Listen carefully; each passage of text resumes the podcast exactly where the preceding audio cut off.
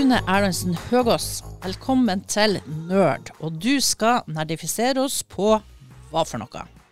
Jeg skal nerdifisere på sopp. For det er noe du kan mye om, det er jo derfor du er her. Men hva kan vi si at sopp er for noe? Ja, det er jo ganske mye forskjellig. Eh, men hvis vi tenker sånn eh, hva det er for eh, det som hvermannsen forbinder med sopp, kanskje det som er klassiske utseendet, at det ser ut som en stilk med en hatt, en, en hatt på, eh, så er det helt enkelt en underjordisk del og en overjordisk del. Der den underjordiske delen er noe som kalles for mysel. Og det litt, ser litt ut som en slags eh, spindelvev, hvite tråder, under jorda. Og det er det som er sjølve soppen. Og den er spennende, soppen. Og vi kan egentlig ikke så mye om den. Hvis vi sammenligner med dyr- og planteriket ellers som vi har satt oss inn hos, så er det mye ennå å finne ut om sopp, har jeg skjønt. Ja, det er jo veldig mye å finne ut om eh, hvordan eh, arter vi har. Vi har funnet ganske mange, men man regner med at de aller fleste er ikke kjent ennå. Eh, og det er jo kanskje litt fordi at den lever så skjult. Mesteparten er under jorda. Noen eh, lager jo sånne her overjordiske fruktlegemer. Sånn kantarell, det er et fruktlegeme. Eh, og det gjør mange av de, altså alle de soppene vi ser i skogen, f.eks. Eller på tre, eller eh, på osten i kjøleskapet. Ja, det kan være, da er det kanskje der myselet som vi ser. Men den er litt sånn mystisk og, og skjult, så derfor er det veldig mange sopper som vi ennå ikke vet eksisterer. Ja, for de sier det at det finnes en plass mellom to og elleve millioner sopparter. Og da har du et ganske stort spenn når de sier to til elleve. Det er mye som ikke er kartlagt ennå. Ja, det er veldig mye som ikke er kartlagt. Og det er òg litt fordi at det er mange som er mikroskopiske. Så Lure små jævler. Ja, går ikke an å se det. du, vi eh, begynner litt her med T-skjorta di. Der står det 'feltmykolog'. Hva skal til for å bli det? Å få ei sånn T-skjorte sånn som du har på deg? Eh, ja, den har jeg eh, fordi at jeg er med i Norges, Norges sopp- og nyttevekstforbund. Det er en organisasjon som annet sørger for at vi har soppkontroller her i Norge, som er ganske unikt. Det er vel egentlig, så vidt jeg kjenner til, bare Norge som har denne ordninga, der folk kan komme og få kontrollert soppen som de har plukka. Sånn at vi slipper at folk eter noe giftig. For det skjer? Ja da, det skjer. Det gjør det. Så en av de tingene som man driver med i denne sopp- og nyttevekstforeninga, det er soppkontroll. Og den andre biten, det er kartlegging av sopp. Og da eh, fer man ut i felt og leter etter sopp og finner ut hva det er for noe, setter navn på dem. Da er det feltmykologi. Derav T-skjorta di. Yes. Ja. Tilbake du begynte å snakke om hva sopp er for noe. Den kan også deles opp i ulike typer sopp. Kan du fortelle litt mer om det, kanskje? Det kan man jo sikkert gjøre på mange forskjellige nivåer, hvis vi tenker sånn matsopp, som er det som er folk flest kjenner til, så er det jo ulike typer bare der. Vi har eh, sopp som har skive under hatten, eller eh, pigger, eller rør. Så skivesopp, rørsopp og, eh, og piggsopp, som kanskje er kjent for mange. Vi har sopp som vokser på tre, tjuke. Sånn her. Mange som har sett en klump som stikker ut på en trestamme. Det er fort ei tjuka. Det kan òg være sopper som helt, som bare er et belegg ut på en trestamme, som en barksopp. Eh, det finnes jo Penicillin er jo en sopp. Ja, for sopp er jo litt sånn tveegga sverd, hvis jeg skal si det. Den kan være farlig, men det er også mye nytte i sopp. Den kan hjelpe oss og berge oss. Ja, det er jo mange skadegjørere i soppriket altså, som uh, gjør at man har tap av uh, avlinger, f.eks. Uh, så det er jo betydelige tap årlig der med, i matproduksjon. Uh, men det er også veldig mye nyttige sopp, sånn som penicillin, som, som, er antibiotika. Eh, det finnes også en eh, sopp som heter syklosporin, eh, som eh, brukes som medisin for å forhindre eh, frastøting hvis, er, hvis man har hatt organtransplantasjon. Så det er en av grunnene til at det er viktig å kartlegge hva vi har, før at vi mister det når vi ødelegger så mye natur, er jo fordi at kanskje det ligger noen eh, løsninger på noen eh, medisinske gåter i soppriket. Hva som gjør eh, at du er så fascinert av det her? Hvorfor ble du feltmykolog? Jeg har bestandig vært interessert i natur og det å vite hva det er for noe jeg finner ute i naturen. Eh, og så havna jeg nå plutselig bare på at jeg ble eh, interessert i sopp. Jeg meldte meg på kurs for soppsakkyndige, bare sånn rett på, uten egentlig noe, noe forkunnskap, for jeg hadde lyst til å, å, lære masse om sopp. Så jeg kunne egentlig bare kantarell og, og piggsopp. Sånn som de fleste av oss. Yes. Eh, men eh, da det jo, blir det veldig bratt læringskurve, for det er ganske mange, mange sopper man skal lære seg. Men eh, det var helt midt i blinken. Så da var det så artig at det ble ikke nok med det der pensumet. For da er det liksom matsopp og eh, de giftige forvekslingsartene eh, der. Men eh, det, jeg vil jo vite hva alt heter. ja, du kan fylle et liv, du. Ja. Med sopp. Ja. Det, jeg har bare så vidt begynt å skrape litt i overflata, føler jeg. Du har jo også et sånn her fancy, schmancy kort med deg nå er jo engelsken min litt sånn uh, utdatert, men uh, mushroom Å, vi kan snu den og se det norsk, men jeg har lyst til å si det på engelsk først uansett. Mushroom Identification Expert. Norwegian Association for Mycology and Foraging. Ja, Fortell litt om det her kortet du kan fære og blæsje med. Ja. Eh, det er et ID-kort som jeg har på meg hvis jeg står på soppkontroll fordi jeg er sertifisert soppkontrollør gjennom eh, Norges eh, sopp- og nyttevekstforbund. Så da må man eh, eh, ta kurs for soppsakkyndige, og så må man avlegge en eksamen eh, som gjør at man blir sertifisert soppkontrollør. Da kan man stå på en soppkontroll og godkjenne sopp. Eh, og man kan også sitte i denne appen som Sopp- og nyttevekstforeninga har, som heter Digital soppkontroll. Eh, og da sitter også soppkontrollører der og eh, godkjenner eller eh, eller underkjenner bilder av sopp som folk kan sende inn. Det er jo ikke alle plassene i landet at, at det finnes soppkontroll, så da kan det jo være veldig gunstig at vi også har en app, sånn at det blir tilgjengelig for flest mulig. For å bestå denne eksamen, hva er det du må kan skikkelig godt da? Det er jo ganske et godt utvalg eh, matsopper. Eh, alt fra kantarell og piggsopp og steinsopp til eh, Ja, det er jo mange som folk kanskje ikke har hørt om. Eh, det er over 100 matsopper. Eh, og så må man eh, det, det er kanskje aller viktigste at man kan de giftigste, de som er dødelig giftige. Vi har jo noen sopper som er så giftige at Eh, hvis du har den i soppkurven din og kommer på en soppkontroll, så eh, blir hele kurven vraka. Såpass. Går det an å eh, si noen eksempler på hvordan sopper det her eh, er? Eh, ja. De aller giftigste som vi har i Norge, de heter spissgiftslørsopp og buttgiftslørsopp. Der den første er veldig vanlig. Vi har hvit fluesopp, også vanlig. Eh, og så har vi grønn fluesopp. Så det er de aller, aller giftigste.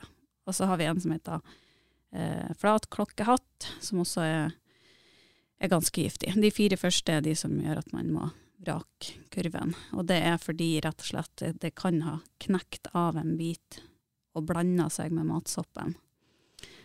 Eh, nå, nå, nå, vet jeg at vi har snakka litt om det her med giftig sopp, og så er det kanskje viktig for deg å få sagt at nå skal man ikke stalle kurven og aldri dra på sopptur eh, mer, selv om man hører at det er giftig sopp, men det er viktig å være på vakt.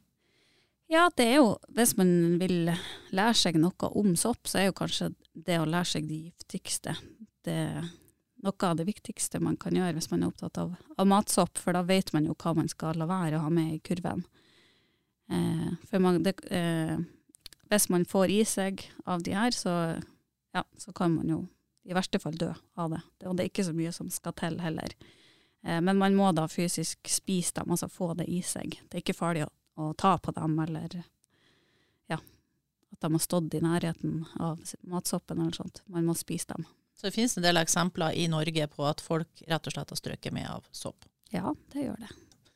Var det noe du oppdaga når du begynte med det her eh, interessefeltet, så du ikke ante hva i det universet der, som du kan mye mer om i dag enn når du begynte?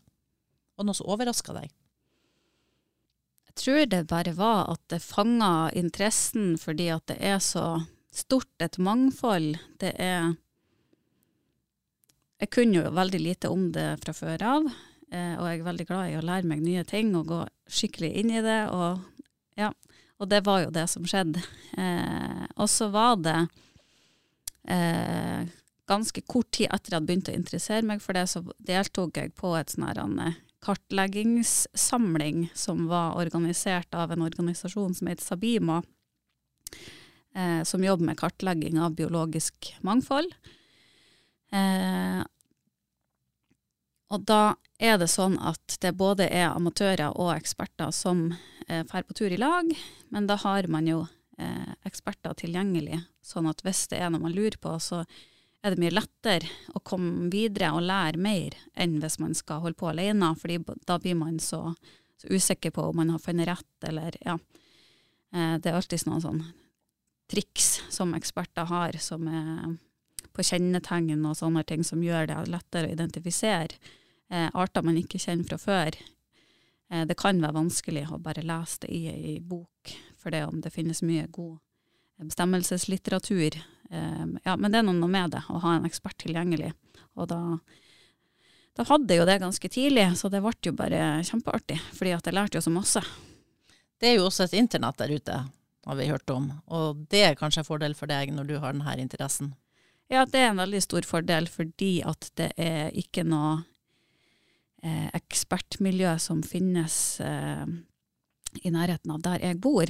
Da snakker vi Rana og Helgeland? Ja, Eh, så det er, det er, ikke noen lokale eksperter på sopp akkurat her.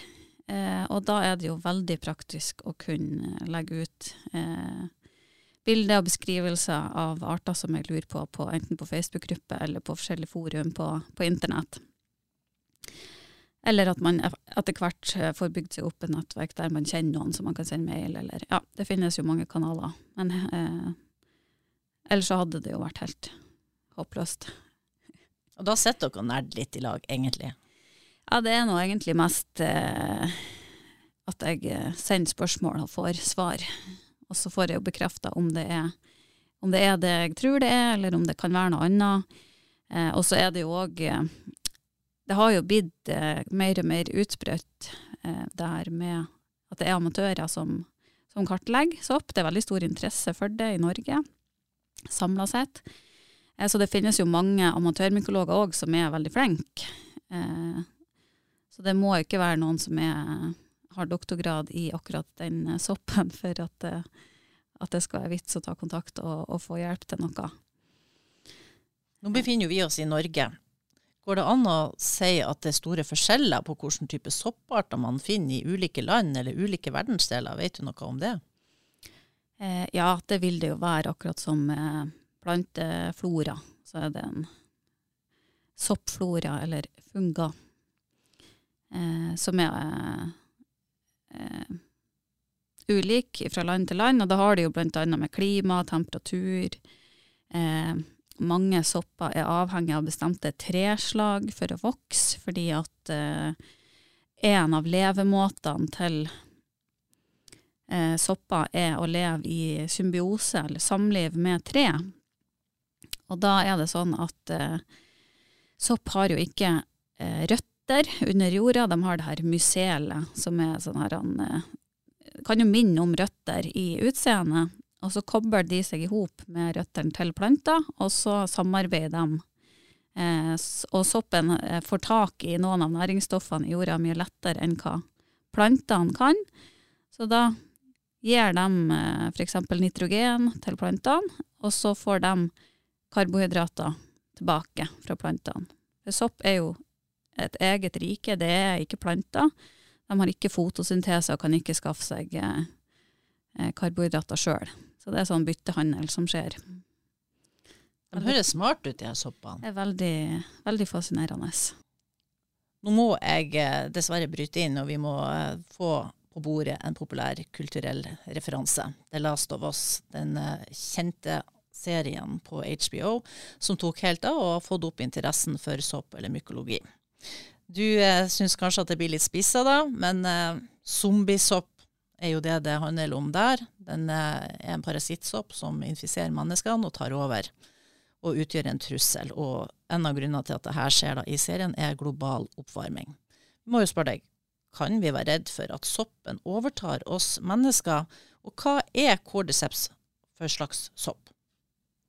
Ja, cordyceps er jo en uh, veldig interessant sopp, og uh, vi har jo den i Norge. Uh, det norske navnet for den slekta som den tilhører, det er åmeklubbe. Og det finnes mange arter i verden. Og det finnes mange arter i Norge. Jeg tror det er ti arter bare i Norge av den. Og den er jo en parasitt som går på De her åmeklubben heter jo det fordi at de eh, infiserer larver, rett og slett. Eh, og så eh, et dem opp på inn, innenfra, på en måte. For et endelikt seg. Ja. ja. Eh, ja, det er jo litt sånn det er i parasittverden. Det er mye makabert hvis man begynner å grave der. Brutal verden, ja, yep. og dykke ned i. Eh, så den, den, gjør jo det, infiserer eh, larver, og så graver de her larven seg ned i jorda og lager seg en, en puppe, kanskje. Og så vokser det til slutt en sopp opp fra den. Og det er jo det som er spesielt med, eh, med parasitter. I mange tilfeller så kan de jo rett og slett endre atferden til denne verten som de infiserer.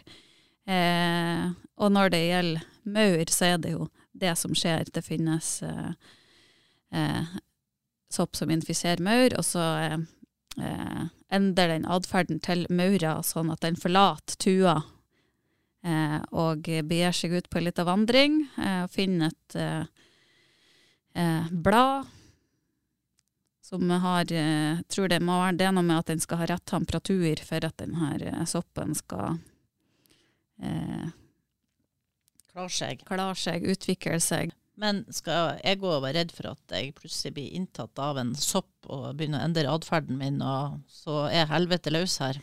Jeg kjenner ikke til eh, noen pattedyrarter som blir våre nærmeste slektninger, der det, der det er kjent noen eksempler på det her. Eh, det er jo i Asia, om det er i Kina eller Tibet, så, så plukker de jo det her. Det er jo mye alternativmedisin som eh, i Østen. Da plukkes det mange av de her artene for å spise, eh, for å få helsefordeler av det. Eh, så jeg vil jo tro at da vil man være ganske utsatt for infeksjon hvis man spiser de her fruktlegemene, de soppene. Så har ikke hørt hittil at det har skjedd noe. Håper ikke for noen jeg tror det går greit. meldinger med det første. Men du nevnte jo det her med temperatur, og det er jo en vesentlig ting å komme inn på når det gjelder sopp. For global oppvarming i The Last of Us er altså en årsak til at denne soppen eh, får til å infisere menneskene. Da. Temperatur er vesentlig hvor soppen får sitt innpass. Da. Eh, og miljøet er du opptatt av. For eh, det kan bli, som du sa innledningsvis, eh, en risiko for f.eks. matproduksjon hvis soppen eh, tar overhånd. Kan du fortelle litt om miljøengasjementet ditt som er relatert til sopp?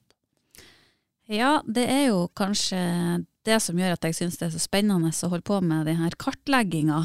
Det er fordi eh, ja, det vi gjør når vi kartlegger, det er å dra ut i skogen, eh, finne sopp, lete etter sopp. Kanskje vi leter etter noen spesielle arter, eller kanskje vi bare leter generelt. Men eh, prøv å sette navn på alt det vi finner, og registrere det. Eh, og grunnen til at man gjør det, er jo for å eh, bidra til mer kunnskap om eh, hvordan arter som finnes hvor. Eh, og det føles veldig meningsfullt å holde på med, fordi eh, at da bidrar man inn i en sånn her kunnskapsdugnad. Eh, Eh, og vi bruker artsobservasjoner, så alle som driver med kartlegging av sopp eller planter, eller hva det skulle være, bruk bruker den. Um, og da ligger den, all den informasjonen offentlig tilgjengelig, så da brukes den i, forhåpentligvis i forvaltning. Eh, sånn at det er på en måte en veldig enkel måte å eh, bidra med noe som potensielt kan gjøre en stor forskjell. Eh, hvis man finner veldig mange sjeldne arter i et område, så eh, vil man jo tro at det blir tatt hensyn til i forvaltninga. At eh, kanskje det er en sjelden naturtype som finnes akkurat der, som ingen visste om. Eh, men så blir det eh, Ja, så ligger denne kunnskapen der, da. Og alle de her eh, registreringene. Og så er det jo òg veldig artig med altså Det føles jo som å være på en skattejakt når man drar eh, ut, og så vet man ikke hva man finner. Altså Noen ganger sjekker jeg det her, han, eh, databasen før jeg drar ut på tur, og ser om det er noe spennende som er registrert fra før, eh, som jeg har lyst til å finne. Eh, så det er veldig spennende å se hva man, hva man finner. Og så er det jo òg veldig stor utvikling på det her området med, med sopp eh, og hvordan arter som finnes eh, etter at DNA-teknikk kom. Eh, så noen ganger så må man jo sende inn for å få analysert noe som man ikke kan finne ut av. Og så er det jo òg eh, stadig vekk at eh, noe som man trodde var eh, en art, kanskje er flere arter. Nå har jeg nettopp lest at de her piggsoppene, som sikkert veldig mange kjenner til Vi har to matpiggsopper i Norge. Bleik piggsopp og rødgul piggsopp. Og sånn har det vært i alle år. Men nå har de funnet ut at uh, det mest sannsynlig kan være oppimot 14 arter, de to der. Spretter du champagne når det kommer sånne her nyheter? Ja, når det gjelder de der artene, så vil det jo være veldig vanskelig å klare å identifisere dem sjøl i felt. Eh, fordi at eh, Eh, når de har vært betrakta som samme art så lenge, eller at det er bare to arter, så betyr det jo at de er veldig vanskelig å skille fra hverandre, sannsynligvis. Så den tar jeg litt med ro. Det blir mer sånn spredt champagne hvis jeg har sendt inn noe kjempespennende, og så finner jeg ut at ikke har vært funnet tidligere i Rana eller i Nordland eller i Norge. Eller i, ja. Jeg har ikke funnet noen nye for vitenskapen ennå, men det er på det er på lista. Det er på lista. Og to do-lista. ja, hva kan vi si om det området vi eh, er i nå, Helgeland, Rana? Er det spennende på noen måte soppmessig sammenlignet med resten av landet? Eh, det er i hvert fall veldig spennende. Det er jo mange spennende eh, områder. Det som er kanskje litt spesielt i Rana sammenlignet med mange plasser, er jo at det er veldig mye kalk i grunnen, så det er ofte det stor, stort mangfold av arter i kalkrike områder. Eh, og så er det jo en veldig, altså Rana kommune er en veldig stor kommune, så det er veldig stort mangfold av eh, naturtyper.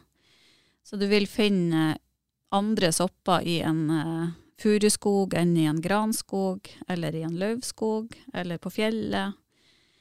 Eh, så det kommer an på naturtypen eh, hva du finner. Du blir i god form av det her, du må fære høyt og lavt? Ja, det gjør jeg jo, men ofte så er det jo i botanikertempo. Det går jo ikke fort fremover, for da finner du jo ingenting. Og det kan godt være Ofte så er det jo kanskje litt sånn på kneet under en trestokk, eller eh, Ja, det, blir, det er ikke joggetur, det er ikke kardioøkt. Det er det ikke. Er tålmodighet et stikkord her? Ja, det har du? Jeg har veldig, veldig stor tålmodighet når jeg skal lete og finne noe. Det er, jo, det er veldig artig å dra på tur da, i lag med noen som har samme interesse. Hvis jeg drar på tur i lag med noen som vil gå på tur for å komme til toppen, eller ja, da blir det kanskje ikke mye sopp. Da blir det litt sopp i farta. Jeg klarer alltid å finne noen, men Vi er ikke det samme. Du, du er jo lærer. Ja. av yrket. Og du er jo også opptatt av det her med unge og ungdom, og det å få dem til å bli interessert i natur. Jeg syns det er viktig Jeg syns jo det er veldig viktig det å ta vare på det biologiske mangfoldet. Vi vet jo at det er klimakrise i verden, men det er jo også naturkrise, og de her går hånd i hånd. Eh, Vi mister masse eh, arter hele tida fordi at vi ødelegger så mye natur. Eh, og så Da er det veldig viktig med artskunnskap, eh, for det man vet hva er, det bryr man seg mer om. Så jeg tror at eh, hvis man eh, eh, lærer seg arter Jeg tror artskunnskap er viktig for å få folk til å bli interessert i, og, og det å bry seg om naturen. Og jeg syns jo sjøl at hvis jeg, eh, når jeg er ute på tur, og at jeg får mange flere og store opplevelser i naturen når jeg eh, vet hva ting er for noe rundt meg. At eh, det gjelder jo uansett hva det er for noe, om det er planter eller dyr eller, eh, eller sopp. Men jo mer man vet, jo mer, jo mer opplever man jo når man er ute på en tur. Vi bor jo i en industrikommune. Kan du si noe om industri påvirker det mangfoldet av sopp? At man får sopp man kanskje ikke ønsker, eller at man mister sopper som man har, som man ønsker å beholde? Det aller viktigste faktoren til eh, at vi mister eh, arter, det er jo når vi ødelegger leveområdene. Så hvis at man eh, Når man bygger ny flyplass, så er det jo enorme områder med natur som ødelegges. Eh, så det vil jo ikke være gunstig for artsmangfold. Det er jo funnet en del spenstige arter i akkurat det, det området som det bygges flyplass, f.eks.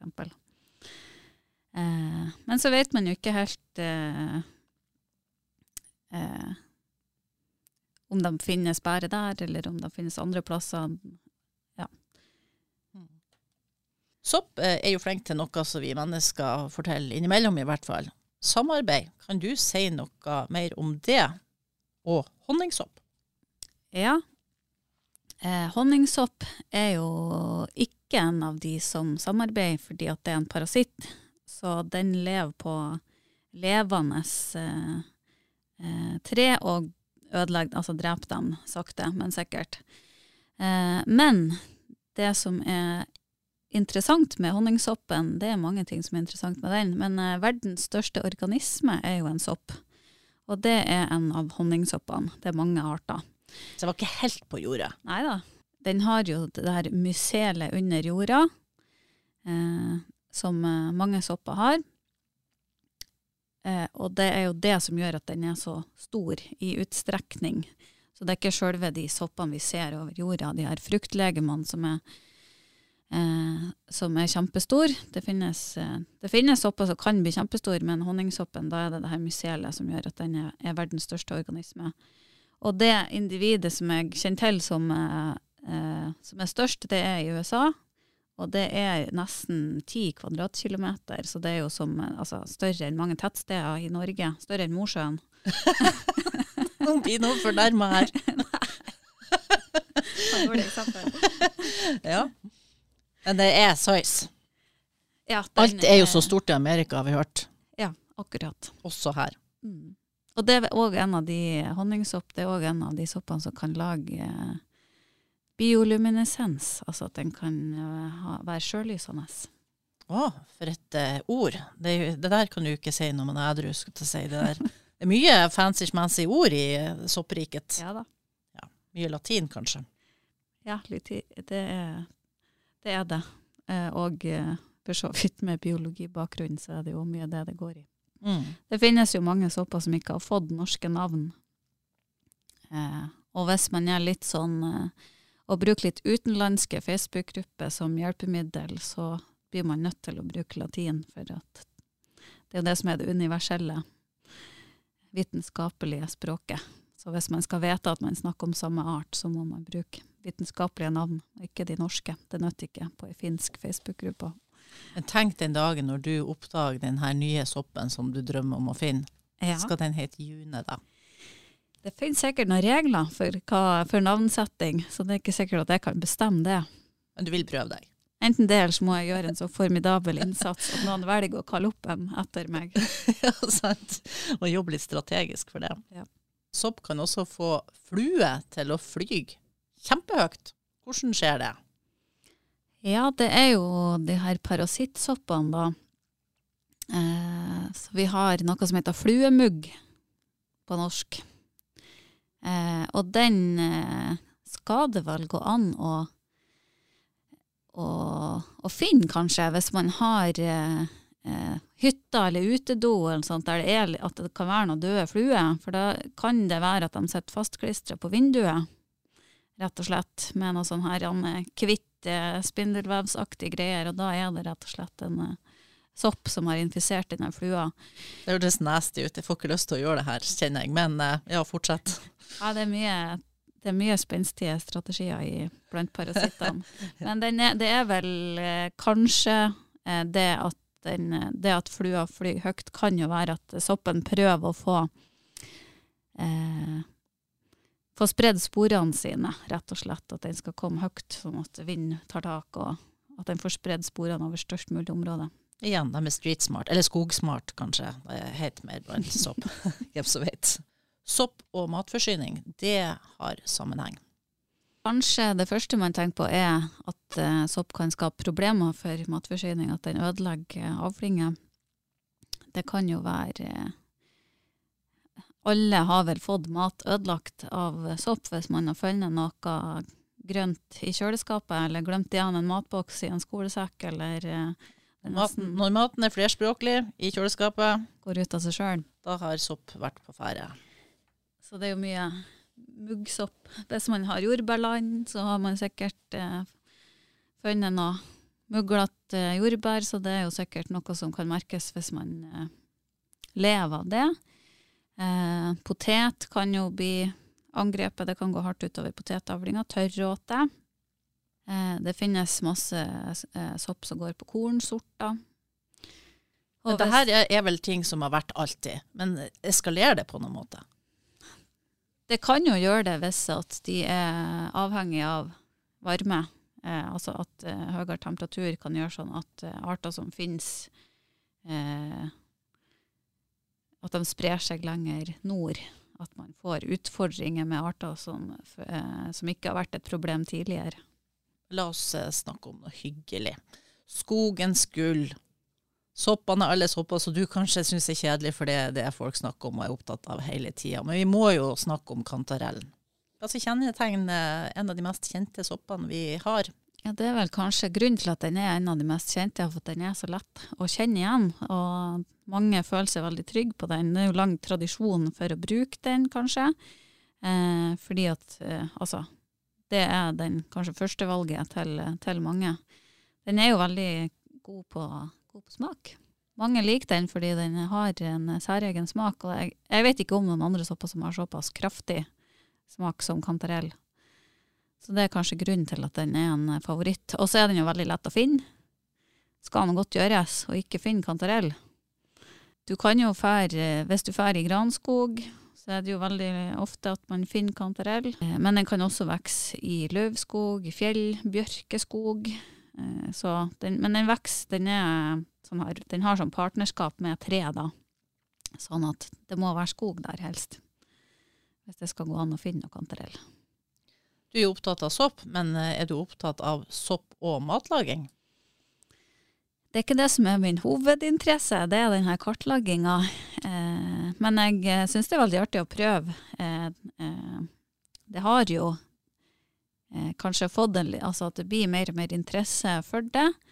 Eh, og det har kommet noen sånne her bøker de siste årene der, der du finner litt mer enn de her tradisjonelle oppskriftene.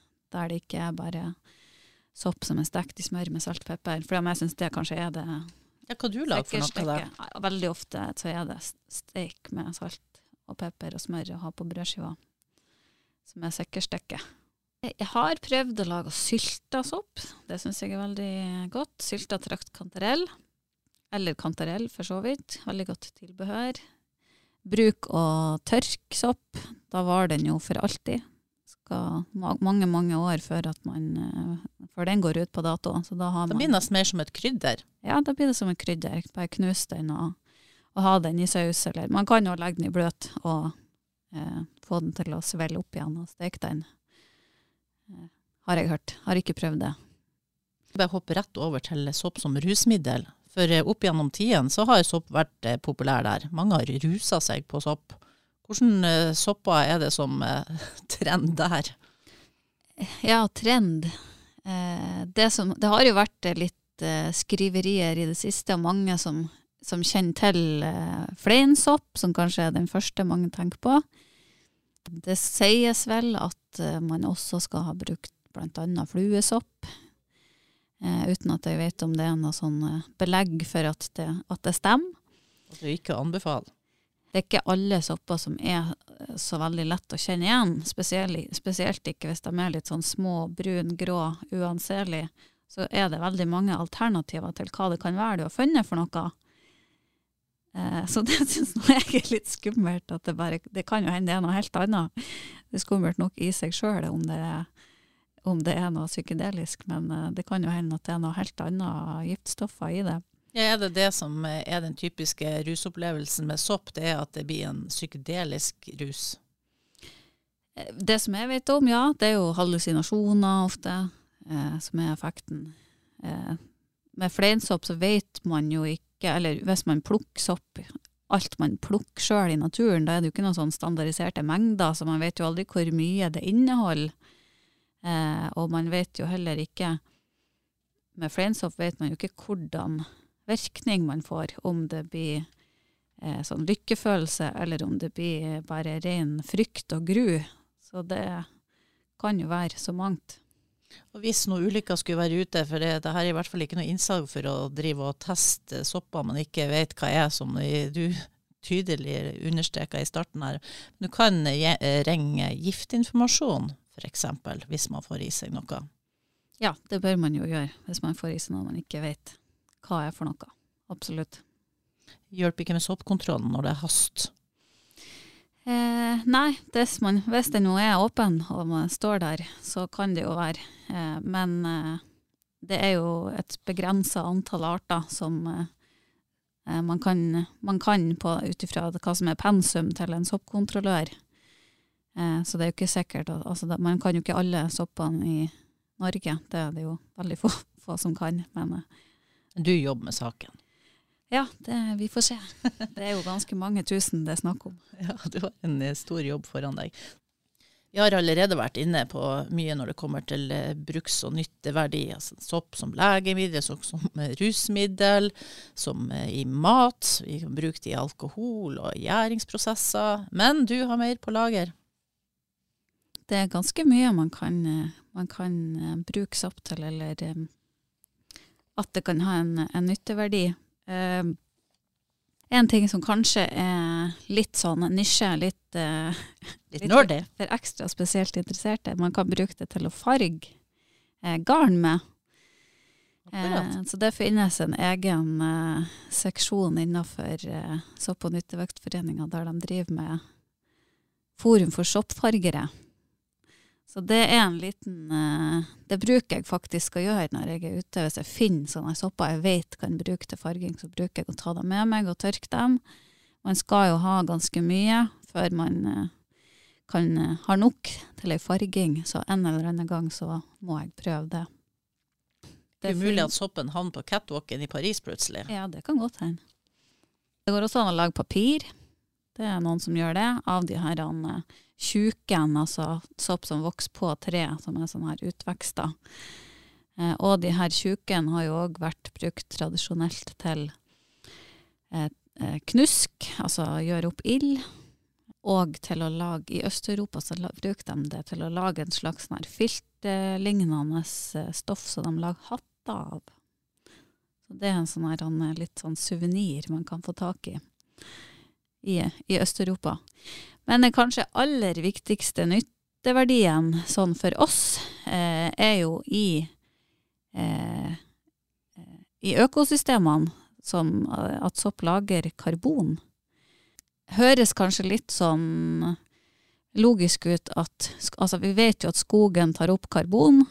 Eh, i, altså, så blir det bygd inn i treet, i bladene, i stammen.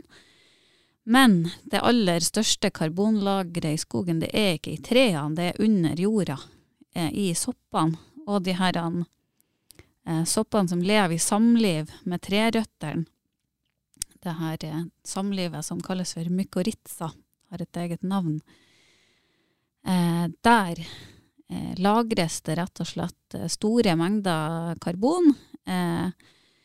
og det gjør sånn at den den boreale skogen, den som vi har i, på nordlige halvkula, den har større karbonlager enn hva regnskogen har. Det er jo noe som er eh, kanskje ikke alle vet, og som er ganske viktig å være klar over, og en stor grunn til å ta vare på, på skog. For eh, jo gamlere skogen er, jo mer av de her nett, nettverkene av sopp under jorda har vi, og jo større karbonlager. Hva har du på lista di nå fremover som skal gjøre at du skal bli en enda bedre feltmykolog? Det som jeg har kjempelyst til, det er å lære meg Jeg har vært på et kurs, men jeg har lyst til å lære mer om eh, mikroskopering av sopp. For det kan ofte være nødvendig når man skal arts, altså identifisere artene. Så nå, nå, må jeg bare sende det av gårde til noen som er ekspert, men eh, det må jeg lære meg. Du blir aldri lei av det her, du? Nei, aldri. Da har i hvert fall vi fått et så lite mikroskopisk innblikk i en veldig stor verden av sopp. Tusen takk for eh, besøket. Nå må vi bare begynne å planlegge neste sopptur. Ja, det er, det er allerede under planlegging. Nå har du nerdifisert oss ganske så greit, men kanskje noen tenker at det her har jeg lyst til å begynne med. Jeg har lyst til å sette meg mer inn i det her soppuniversene. Hva gjør de?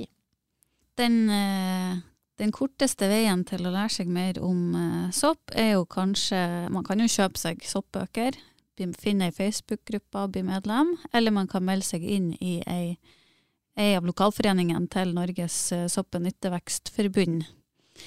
Og da kan man jo finne ut om det er kurs i uh, nærområdet, eller at man kan reise en plass, og gå på kurs. Og da finnes det kurs både når det gjelder matsopp, men også kartleggingskurs. Det aller viktigste hvis man har lyst til å lære mer, er jo kanskje at man ikke er redd for å plukke sopp. Eh, det er ingen sopper, uansett eh, hvor giftige de er, som er farlige å ta på. Eh, og hvis man skal lære seg noen, noen, nye arter, så er det nødvendig at man rett og slett plukker sopp, studerer dem, tar med seg hjem. Eh, sammenligne med bilder på nett eller beskrivelser i soppbok, men eh, ikke vær redd for å plukke sopp. Men det kan være greit eh, hvis man plukker noe man ikke vet hva er, og ha det adskilt i, uh, i en papirpose eller altså noe som det ikke blir blanda med matsoppen. Men ikke vær redd for å, for å ta med seg og undersøke sopper. Da oppfordrer vi til nysgjerrighet på sopp, og så takker vi deg for besøket, June Erlandsen Høgås. Takk for meg.